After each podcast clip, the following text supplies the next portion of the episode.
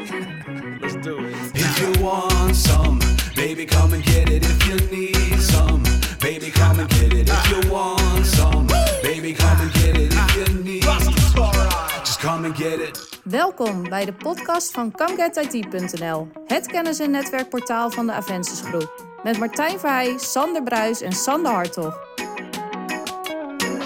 Dit is aflevering 4, waar we het gaan hebben over informatiebeveiliging en auditing in de cloud. En dat doen we niet alleen, dat doen we met Gerard Mars en Jaap Ruigrok.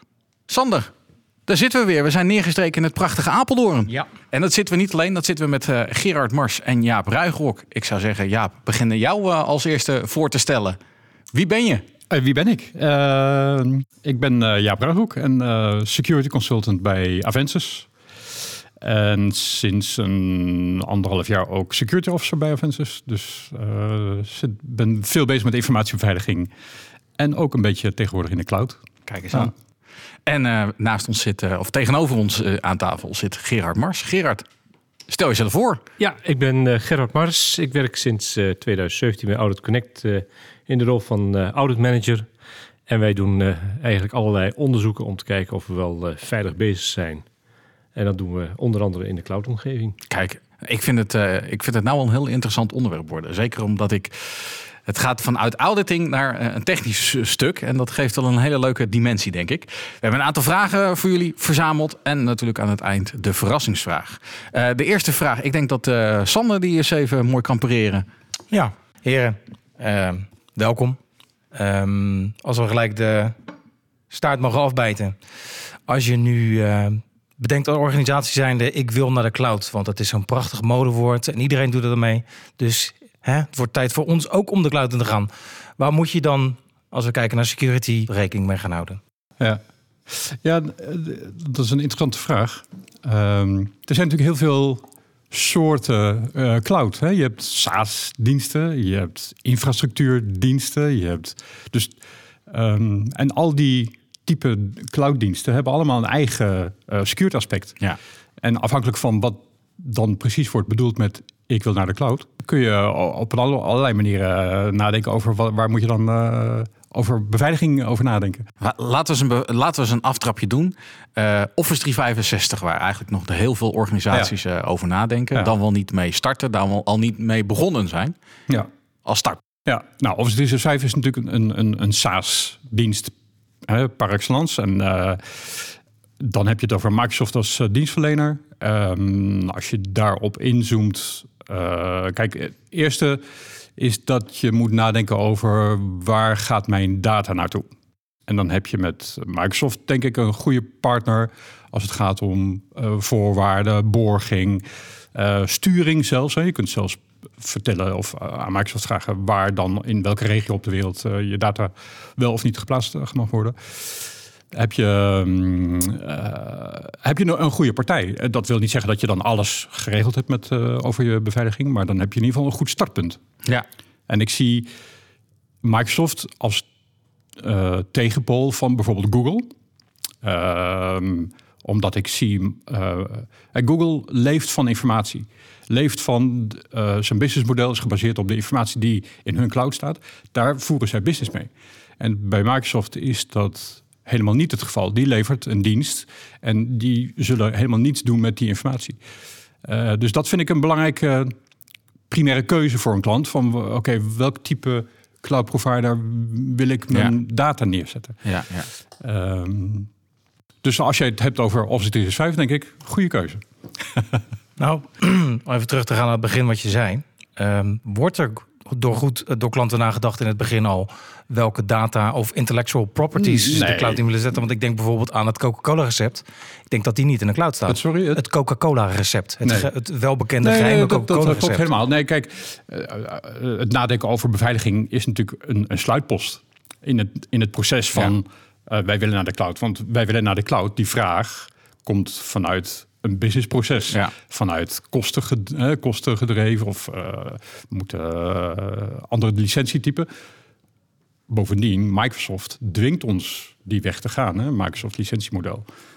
eh, zorgt ervoor dat we steeds meer naar cloudmodellen toe moeten eigenlijk. Ja. En dan wordt er pas over een heel, in een heel laat stadium nagedacht over. Oké, we zitten nu in de cloud. Oh, eh, waar staat onze data? Hoe is onze toegangsbeveiliging geregeld? Moeten we iets met versleuteling eh, doen? Dus al dat soort zaken wordt dan, wordt dan ad hoc eh, vaak geregeld. Ja. En aan, aan ons de taak en aan en, en Wallet Connect de taak om klanten daar in een, voor, in een vroeg stadium op te wijzen eigenlijk. Nou, Ja, en als ik dan weer even terugga naar de basisvraag, want dan kijk ik ook weer van, eh, als je nu bedenkt eh, als organisatie, we willen naar de cloud. eh, hoe moet je daar dan vanuit een auditing-principe over nadenken? En ik denk dat je die ook weer heel breed kan invullen. Nou ja, daar ligt natuurlijk een van de belangrijkste stukken is assurance geven. Dat doe je op basis van je eigen interne risico's. Dus als je je gaat organiseren, als, als organisatie gaat focussen, we moeten naar de cloud, het zij vrijwillig of gedwongen. Je hebt ook te maken met SaaS-applicaties, ook applicaties die vroeger standalone waren, worden nu alleen maar als een SaaS-applicatie geleverd, dus vanuit een cloud-omgeving. Eh, wat voor risico's zijn dat voor ons als organisatie? En belangrijk is daarbij van welke informatie komt er in die cloud te staan en wat levert die cloudpartij mee als eh, zekerheid dat zij die data ook op een goede manier behandelen. Dat het niet morgen op straat ligt via een datalek. Eh, dat zijn aspecten waar je rekening mee moet houden als organisatie. Vanuit Audit Connect kunnen we, als je eenmaal je eigen risico's hebt geïdentificeerd, kunnen we dus, als je eenmaal over bent gestapt in cloudomgeving, kunnen we kijken van nou, zijn daar voldoende maatregelen gezor- eh, geborgd om dus ook die eh, risico's op een goede manier af te dekken. En dat ligt niet alleen binnen je eigen organisatie, want daar heb je invloed op, maar er zijn ook bepaalde dingen die je contractueel op een goede manier moet afdekken. Pak je nou eh, Microsoft als, eh, met zijn Azure-oplossing en je gaat kijken eh, binnen die omgeving, dan zul je ook zien dat Microsoft daar heel serieus mee omgaat. V- middels assurance rapportage, bijvoorbeeld in vorm van een ISE 3402 eh, rapport, geven zij aan hun klanten inzicht van hoe, hoe gaan zij om met die beveiliging. Ja, dus je krijgt zekerheid eigenlijk over een stukje dienstverlening. Hoe zij dat dan hebben geleverd. En dan is het aan jullie, als ontvangende partij van zo'n rapport, de vraag van de risico's die ik heb, worden die ook voldoende afgedekt door die assuranceverklaring, ja of nee?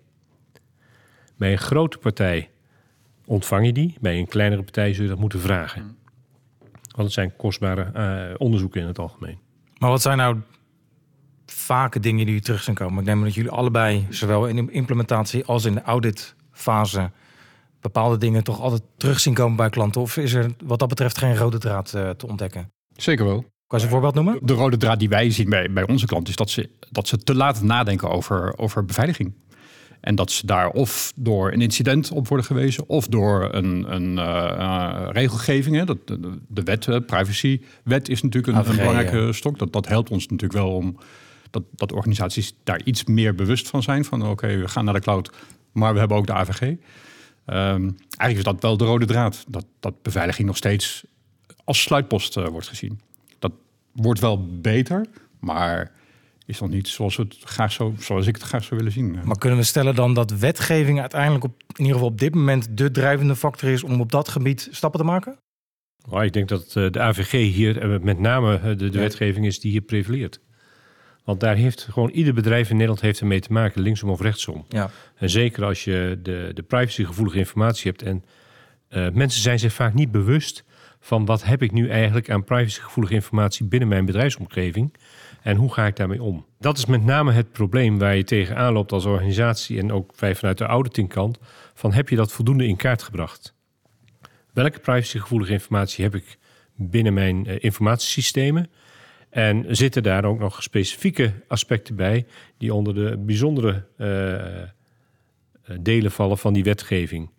Want daar moet je andere maatregelen voor nemen. Het eh, roepen van het voldoen aan de ISO 27001 is niet voldoende. Je moet het verbijzonderen.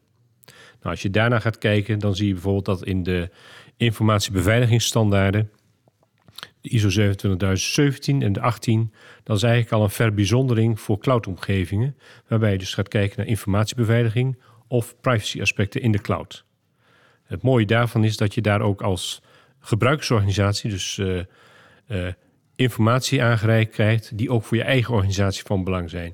Want ga je uitwijken naar de cloudomgeving, betekent het dat je per cloudomgeving die je gaat gebruiken, bijvoorbeeld het logische toegangsbeleid ook moet gaan verbijzonderen. Want hoe je dat krijgt bij eh, Microsoft of bij eh, AWS of bij Google, daar zitten verschillen in. Maar dat vraagt ook om een aparte benadering. Dus je zult daar ook je beleid op moeten aanpassen. Ja, en gelukkig helpen dit soort standaarden ook de gebruikers in dit geval al om daar beter naar te kijken van wat moet ik dan gaan doen. Dat beantwoordt eigenlijk bijna al zowat mijn tweede vraag. Want wij worden natuurlijk, zeker als wij vanuit een techniek, om oren gesmeten met allerlei termen. Je noemde er net al een aantal. Ik eh, heb Ja. ook eh, NEN 7510 en natuurlijk de AVG. Maar eh, ze zijn verschillend, maar ze doen toch allemaal een beetje hetzelfde. Is een beetje de indruk. Ja. Nou, de AVG, daar kunnen we heel duidelijk over zijn. De, de GDPR, de Europese wetgeving op, de, eh, op privacygebied, is natuurlijk vorig jaar eh, actief geworden. In Nederland is dat de AVG en dat is wetgeving, heeft iedereen mee te maken. ISO-standaarden, zoals een eh, ISO 27001, maar ook de NEN 7510, hè, informatiebeveiliging in de gezondheidszorg, wat een specifieke Nederlandse standaard is die gebaseerd is op de ISO 27001. Daar kun je op certificeren. En eh, certificering betekent in dit geval vertrouwen geven aan de gebruikers, de klanten die van de diensten van dat eh, bedrijf gebruik maken, die dan die NEN 7510 certificering heeft. Maar dat zegt nog niets over het daadwerkelijk toepassen van die standaard. Het zegt alleen dat er een informatiemanagementsysteem is waarin dat geborgd is. Een assurance rapportage, een assurance onderzoek, is namelijk hetgeen wat aantoont dat het ook daadwerkelijk gebruikt wordt. Dus die, die die kijken altijd terug in het verleden. En daarbij kijken we naar bijvoorbeeld een half jaar of een jaar terug in de tijd om vast te stellen dat de informatiebeveiligingsmaatregelen die je hebt getroffen, dat die ook daadwerkelijk worden toegepast. En dat is een belangrijk verschil tussen de standaard, de wetgeving en een assurance rapport. Wetgeving is van toepassing op iedereen. De standaarden geven een stukje eh, borging, zekerheid middels een certificaat dat je iets hebt ingericht. En een assurance rapportage geeft duidelijkheid, inzicht. Je hebt het ook toegepast. Maar is ook uiteindelijk niet een stok achter de deur het feit dat wetgeving handhaafbaar is en, en standaarden en normen hooguit een best intent. eh, Nou, ik zou de standaard zeker niet als een best intent willen zeggen, want anders krijg je er geen certificaat voor. Want je hebt je gecommitteerd, en dat zeg je ook in de managementverklaring, in de directieverklaring, die committeert zich aan die standaard. Dus het is niet zo vrijheid, blijheid. Want als je het niet goed doet, dan zal eh, de certificerende instantie ook het certificaat kunnen intrekken. Want je krijgt het in bruikleen. Je hebt het niet in eigendom, je krijgt het in bruikleen. En de toezichthouder, de certificerende instantie, zal dus ook kijken, blijf jij ook voldoen aan die voorwaarden? daar is wel handhaving. Dus eh, daar is wel een stukje handhaving, er is wel een stukje toezicht op. Een assuranceverklaring is achteraf het de rapportage dat je er ook daadwerkelijk aan hebt gehouden. Je krijgt altijd de verklaring, alleen de inhoud van die verklaring die laat zien waar heb je het goed gedaan, maar ook waar heb je het niet goed gedaan. Ja, dus daarmee krijg je ook inzicht als gebruiker van eh, doen ze het echt goed? Doen ze wat ze mij hebben beloofd? Kijk, we hebben het over NEN 516 Ja. als, als voorbeeld. Dat zal je als klant van je dienstverlener mogelijk willen vragen aan... Hè, van hoe ga jij straks met mijn data om? De, de vraag is of NEN 516 daar hè, eh, eh, een sluitend antwoord op geeft, maar dat is één. De AVG, weer is, eh, daar heeft, is de klant eh, verantwoordelijk voor. Hè? Ja. Dus dat zijn zijn persoonsgegevens. Althans, het zijn persoonsgegevens van, van zijn klant. Dus hij moet daar eh, eh, beheer over voeren en zorgen dat die klant. Dus het, het perspectief van AVG en NEN 5010 is anders. Hè. Naast dat het inderdaad een wet is waar iedereen zich aan moet houden. Het, bovendien gaat het om persoonsgegevens alleen. Hè. Het gaat alleen maar over persoonsgegevens AVG. Terwijl de NEN 517 gaat, is een managementsysteem voor informatieveiliging. Dus een veel breder, een veel bredere context. Ja. Nee, eh, eh, helder en duidelijk eh, zou ik zeggen. Toch ben ik benieuwd van, oké, we hebben die, die certificeringen behaald als organisatie of de organisatie waarvoor je werkzaam bent. Ehm, maar eigenlijk zou ik mij als werknemer of als uitvoerende er heel bewust van moeten zijn. Maar toch merken we eigenlijk wel een beetje dat dat altijd wat verwatert op het moment dat zo'n eh, eh, certificaat misschien wel binnengehaald is. Hoe kunnen we ervoor zorgen dat ook wij als eh, medewerkers of als IT-nerds, noem ik het maar even, toch ja, be- bewust bezig zijn met onder andere dat soort certificeringen en ISO's die daar door een klant of door de opdrachtgever zijn behaald. Eh, dan wel niet in de techniek, dan wel niet in de uitvoering. Kijk, als je certificeringen als intern instrument gebruik je dat ook om je eigen werkzaamheden eh, ja, in controle te zijn. Eh, dus er zijn mechanismen zoals rapportages, eh, interne audits, pentesten, hè, dus meer technisch georiënteerde testen die je kunt uitvoeren, vulnerability assessments, waarmee je ook als organisatie kunt laten zien van ja, wij zijn in control. Onderdeel van de ISO 27001, 7510, is ook dat je met kennis en kunde te maken hebt. Hè, dus je zult iets moeten doen met bewustzijn. En daar heb je, nou ja, er zijn verschillende mogelijkheden voor. Je kunt bewustzijncampagnes intern houden. eh naar aanleiding van eh, berichten in de, eh, in de pers of op televisie. Of uiteraard op het internet. Kun je elkaar ook informeren over wat er gebeurd is en wat kunnen we daarvan leren. Is het dan toepassing op mijn omgeving? Dus er zijn heel veel mogelijkheden om dat interne bewustzijn ook ja, te onderhouden, zeker te laten groeien. Op basis van praktijkcases. En met name ook kijken van, hey, zou dat bij ons ook kunnen voorkomen? Want dan ben je echt in controle. Als je dat gebruikt, dat is ook heel sterk. Want dan kun je zeggen van, hey, wij moeten maatregelen nemen, want er zijn nieuwe risico's ontdekt. Die ook voor ons van toepassing kunnen zijn. En dan kun je daar wat eh, binnen je organisatie mee doen.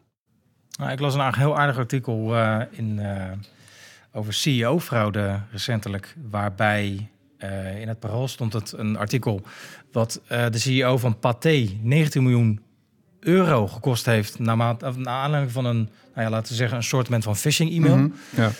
Hoe is de cloud uiteindelijk helpt dat om eh, dat te verbeteren? Of is de cloud in zijn geheel of als, als, eh, als, als middel in staat om, dat te, om daar iets te. Nee, eh, de cloud, de cloud als, op- als begrip zal je daar niet tegen beschermen. Eh, je, kunt, eh, je je hebt het over business email compromise. De BEC wordt dat eh, genoemd. Dat zijn hele gerichte aanvallen op beslissers binnen een organisatie om onder spoed, stoom en kokend water een bepaald bedrag over te maken.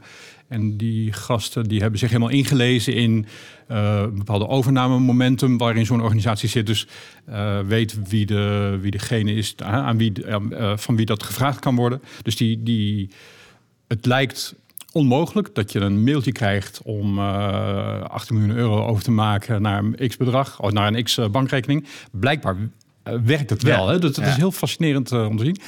Dat zijn, dat zijn menselijke factoren die daar een rol bij spelen. En je kunt, met techniek kun je daar maar op een beperkte manier eh, iets mee doen. En dan maakt het in feite ook niet uit of je nou in de cloud zit of eh, niet in de cloud zit. Eh, er zijn eh, mail security leveranciers die met kunstmatige intelligentie eh, proberen na te gaan wat het eh, DNA is van een e-mailtje van iemand. Hè. Die, die lezen de e-mails van, en lezen tienduizenden e-mails van iemand persoonlijk.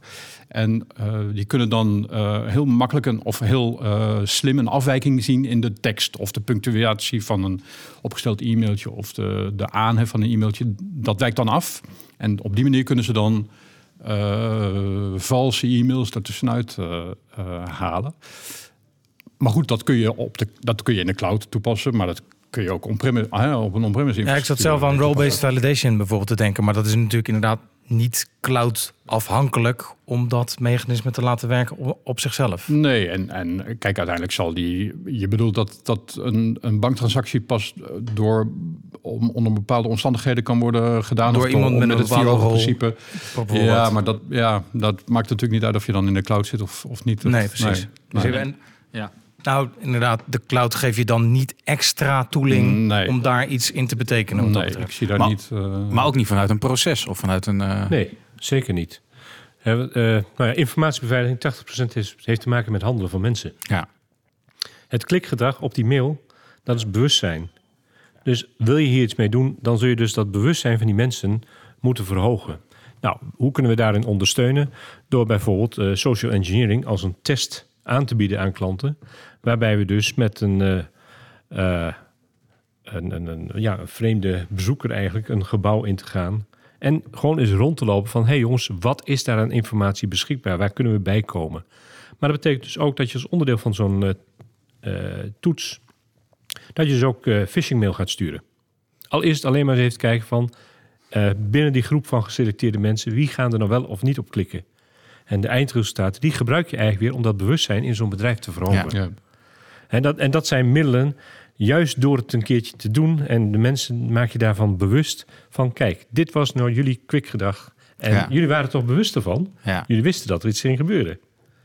Ik heb een dat, leuke- zijn, dat zijn de leuke dingen Ja, eigenlijk. wat ik heb daar een leuke anekdote over. Bij, bij zijn we al een, een Ja, paar klopt. jaar bezig met de, Ja. de certificering van eh, 70001. Onderdeel daarvan, hè, ik, ik ben dan eh, de, CISO, dus ik, ik, eh, ik eh, initieer dat soort eh, bewustzijnscampagnes. Onderdeel daarvan was een, een phishing eh, mail die we hebben uitgestuurd, waar jij ook mee te maken hebt gehad, eh, Martijn. Dus, dus binnen Aventus, hè, en dat gebruiken we dus ook om eh, te zeggen, nou, eh, eh, goed resultaat. Eh, want bijna niemand heeft daarop geklikt. Helemaal niemand heeft zijn gegevens ingevuld. En degene die geklikt had, die zei achteraf... ja, maar ik wist wel dat het een phishing mail was. Eh, maar ik was nieuwsgierig wat erachter zat. Dat, dat- helemaal prima, weet je. Dat, eh, Ja. Maar nu word ik door mensen eh, gezegd van... hou eens op met testen, want ik krijg zoveel phishing mails binnen... van de Rabobank, van de ING, van Ja, de. Terwijl het helemaal geen campagnes zijn vanuit, Nee. vanuit ons eh, uit. Maar om aan te geven dat, en dat merk ik sinds we met die certificering eh, bezig zijn, eh, dat dat bewustzijnsniveau eh, sterk groeit. Ja. Mensen zijn veel meer bezig met beveiliging, security. Soms op een, op een grappende manier. Hè, van nou, eh, dan moet je een incident eh, melden of security dit, security dat. Maar uiteindelijk toch wel bezig met informatiebeveiliging. En Ja. dat is een goed effect. Ja. Alleen maar dat we een certificeringsproces zijn Nou ja, doorgemaakt. daarom zei ik ook Ja. van wat moeten we als hè, los van wij lopen zelf natuurlijk als eh, mensen ook in het veld komen Ja. ook bij klanten over de. Ook daar die bewustwording is natuurlijk. eh, van Maar dat is heel, het is heel moeilijk om een, een, een willekeurige klant van bijvoorbeeld Avens of, of eh, Audit Connect, om daar die intrinsieke behoefte aan beveiliging eh, tot leven te wekken. Dat is he- heel moeilijk als je daar geen wet achter hangt of als je daar geen certificeringsproces als stok achter de deur. Een bedrijf zal niet snel zeggen: wij moeten onze beveiliging eh, verbeteren. Eh, zon- out of the blue. Dat zullen ze niet vaak doen. Dat is vaak incidentgedreven. Of doordat ze aan een wet moeten voldoen. Of dat ze de behoefte hebben gehad om een certificaat. Dat hun, dat hun klanten vragen om. Wij willen dat jullie gecertificeerd worden voor een bepaalde norm of standaard. Eigenlijk zeg je met zoveel woorden ook, denk ik. De eh, beveiliging is zo sterk als je zwakste schakel.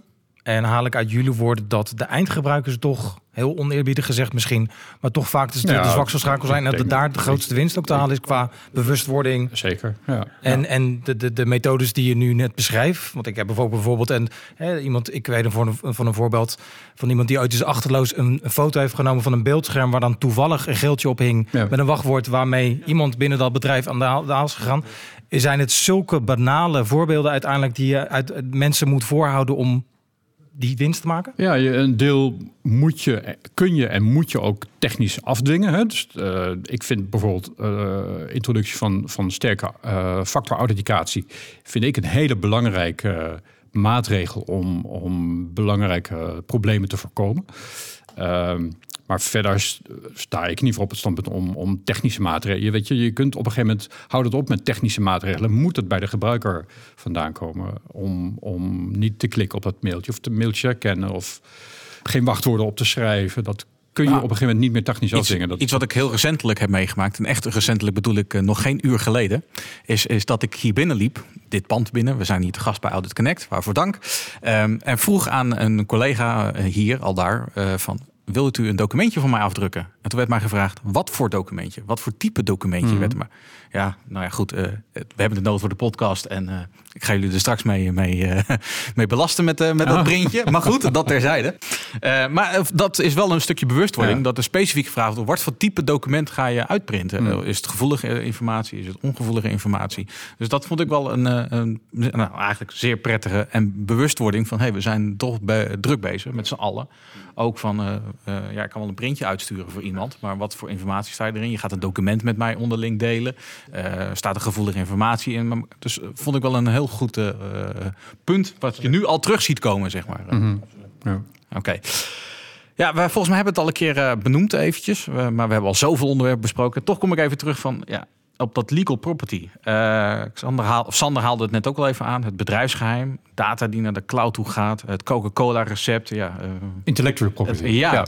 Is daar echt, zijn we daar bewust mee bezig? Bewuster mee bezig? Of eh, zijn bedrijven daar bewuster mee bezig? Of hebben ze dat geclassificeerd? Ik denk dat eh, de omgevingen waar je mee te maken hebt, die zullen eh, ja, dat eigenlijk specificeren. Als je een bedrijf hebt wat bijvoorbeeld hele mooie fijnmechanische producten maakt, wat in, bij, bij ASML wordt gebruikt, die zullen daar echt heel specifiek mee bezig zijn. Want dat maakt onderdeel uit van een groter concept, maar dat heeft ook een bepaalde functie in iets, nou ja, daar zitten gewoon octrooien op. Zo'n bedrijf zal er absoluut 100% mee bezig zijn. Want op het moment dat dat buiten de deur komt en het komt in, bij de Japanners bijvoorbeeld terecht, die zullen dat ongetwijfeld gaan gebruiken om in hun machines dat ook te gaan toepassen. Even vooropgesteld van oké, eh, wat kan ik ermee? Eh, en dan, dan ga je eigenlijk meer van een stukje bedrijfsspionage uit.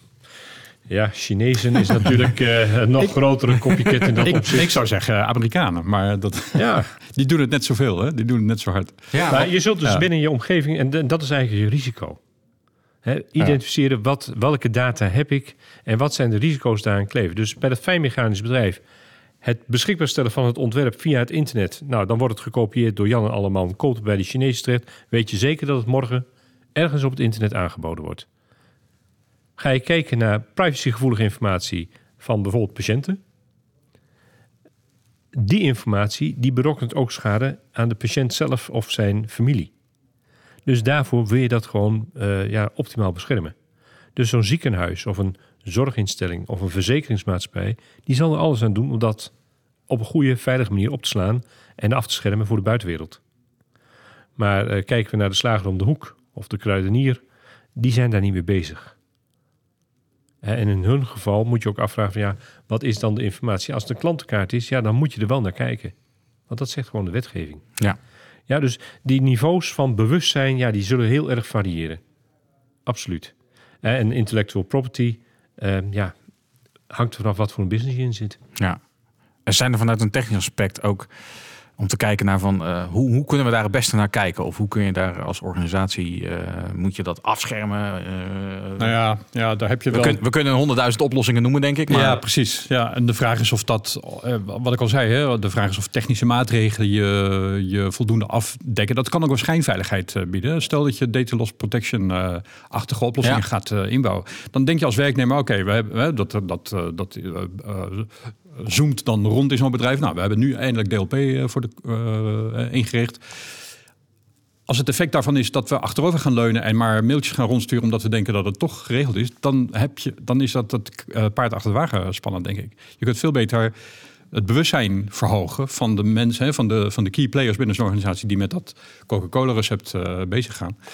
Eh, om hun bewustzijn eh, te verhogen, dan om een technische maatregel eh, te implementeren die misschien half werkt of helemaal niet werkt. Want DLP is best wel uh, tricky Ja. om in te richten. Ehm, en dan heb je schijnveiligheid, waardoor je uiteindelijk nog een onveiliger situatie hebt gecreëerd dan, dan eh, zonder DLP. is ook een heel belangrijk onderdeel uiteindelijk niet ook een, een housekeeping uiteindelijk. Zeker achteraf, want plan do wordt vaak volgens mij wel gedaan of in ieder geval over nagedacht. Maar het check act eh, gedeelte en daarna de housekeeping om lijsten bij te houden, gewoon bij de tijd te blijven, is dat uiteindelijk in jullie ervaring dat dan eh, een extern bedrijf zoals Audit Connect achteraf nog nodig is? Of zie je wel steeds meer ook bij bedrijven een, een, een, eh, een eigen...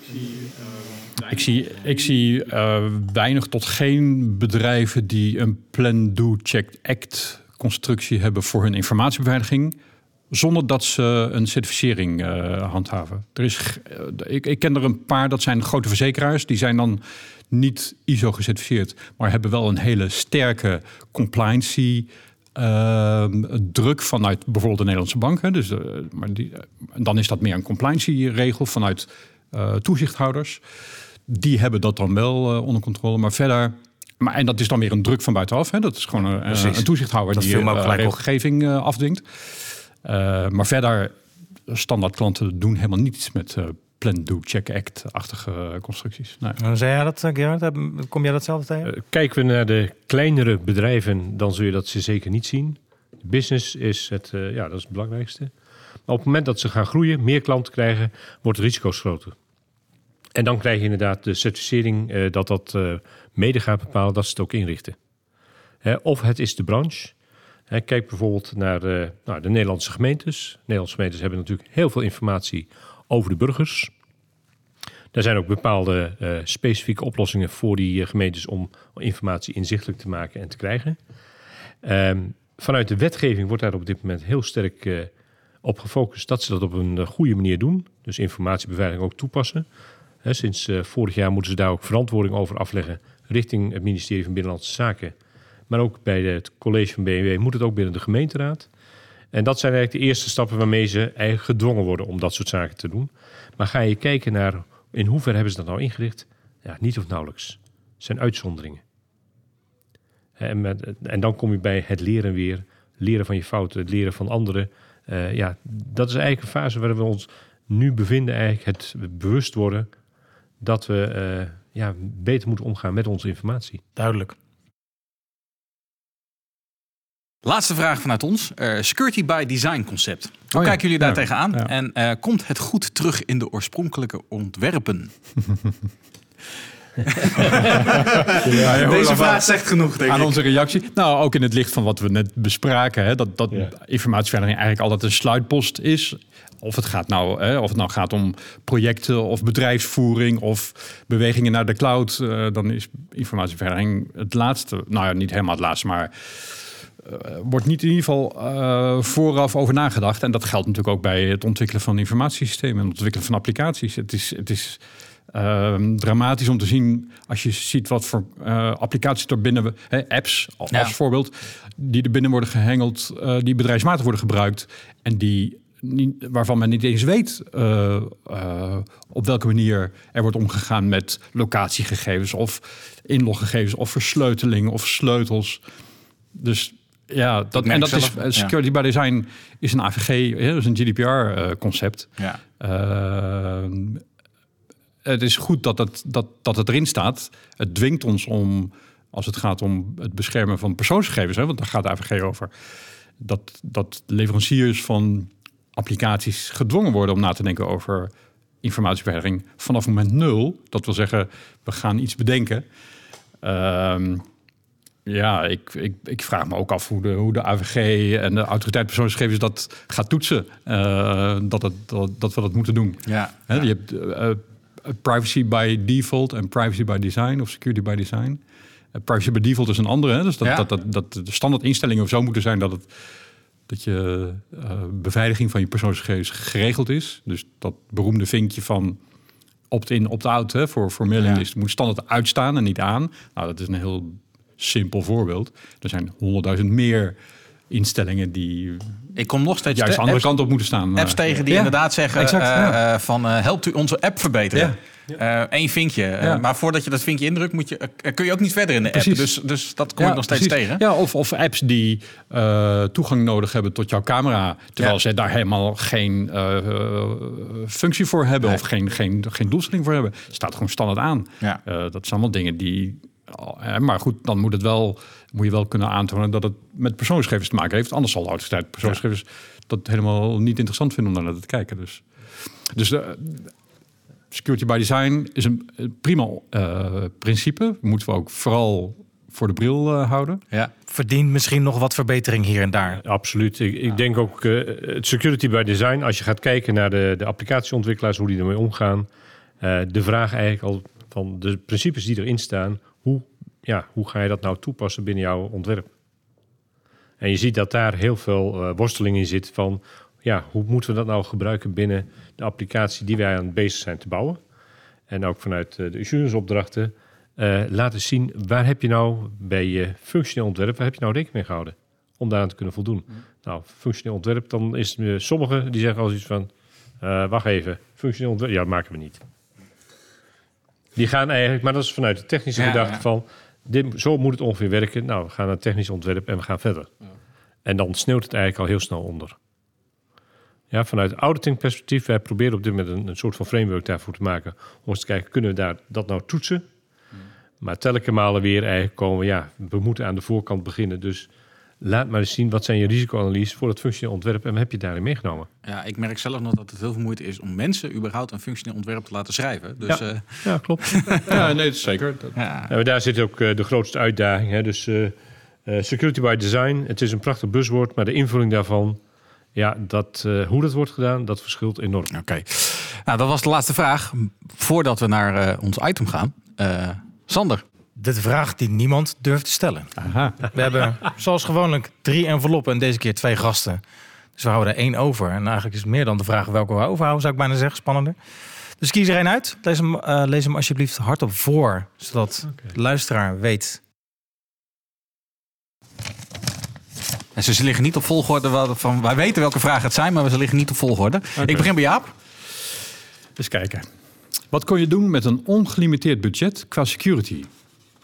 Welke maatregelen, maatregelen dwing je dan sowieso af? Eens kijken. Wat, eh, eh, Dus je hebt als eh, bedrijf of als organisatie heb je een ongelimiteerd, budget. ongelimiteerd budget. Oh, cool. Ja, daar kun je de kust naar de keur gaan. Maar Ja, het hangt natuurlijk vanaf eh, wat, je begin, wat je startpositie is. Hè? ja. Eh, welke maatregelen, maatregelen dwing je dan sowieso af? Nou ja.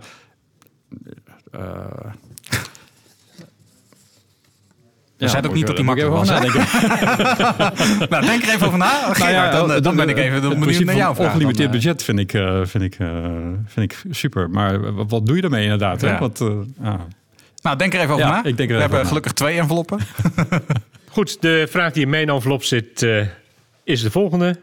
Zou het goed zijn als pentests verplicht worden gesteld? Je auto wordt toch ook APK goedgekeurd? Of gekeurd? Ja, mijn eerste reactie zou zijn... uiteraard zou dat een goede zaak zijn. Met name die websites waar, eh, waar heel veel eh, informatie beschikbaar is... vanuit privacy-oogpunt of op een andere manier. Eh, denk dan bijvoorbeeld aan het gebruik van de DigiD als authenticatiemethodiek. Eh, dat zijn, eh, eh, ja, je hebt eigenlijk één wachtwoord, één username, wachtwoordcombinatie. Die je gebruikt om toegang te krijgen tot heel veel verschillende soorten informatie. Die worden aangeboden door bijvoorbeeld verzekeraars of gemeentes. Belastingdienst niet te vergeten. Hè? Je belastingformulier kun je ook alleen maar daarmee invullen. Ehm, en juist omdat het eh, mechanisme hetzelfde is met hetzelfde username en paswoord, zou je dat met name getest willen hebben. Want dat geeft je zekerheid dat iedereen op dezelfde manier, hetzelfde beveiligingsniveau, eh, de toegang tot die applicatie of de gegevens via de applicatie eh, geregeld krijgt.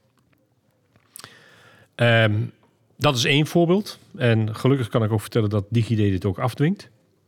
Dus elke website, elke bedrijf of overheidsinstantie die DigiD gebruikt, is ook jaarlijks verplicht om dit te laten toetsen. Eh, maar daarnaast hebben we natuurlijk ook te maken met webshops, waar ik gegevens achterlaat voor het winkelen. Mijn creditcardgegevens, mijn, mijn naam, met mijn verzendadres en noem maar op. Ook daar zou je dat graag zien. Want ook als eh, burger laat je daar informatie van jezelf achter, je koopgedrag. En dat is ook wat waard om dat te beschermen op een goede manier. Dus ja, ook in dat opzicht zou ik eigenlijk wel een, een, eh, ja, een pentest verplicht willen hebben. Ja. Hè, Nou. Dat zo'n webshop daar eh, ook zorg voor draagt. Dat ook aan de voorkant dat het goed afgedicht is. eh, en dat niet iedereen erbij kan komen. Kijk, helder. Jaap, je hebt nog even wat ruimte, Ja. de tijd gekregen van Gerard. Dus wat kunnen we doen met een ongelimiteerd Nou budget? ja, ik heb, ehm, het is niet zo dat, dat we meteen met firewalls gaan slepen en dat we Nee. pentest gaan, gaan doen. Ik denk ehm, eigenlijk voor elk bedrijf die eh, informatie eh, verwerkt en, en, en bewerkt, is het nastreven van een bepaalde certificering eh, voor beheersystemen van informatieveiliging, is denk ik een hele mooie middel om na te denken over al die facetten die te maken hebben met informatieveiliging. Hè. Dus ISO 17001 dwingt je om na te denken over toegangsbeveiliging, om bedrijfsvoering, om over encryptie, al die zaken die we misschien gemakshalve vergeten.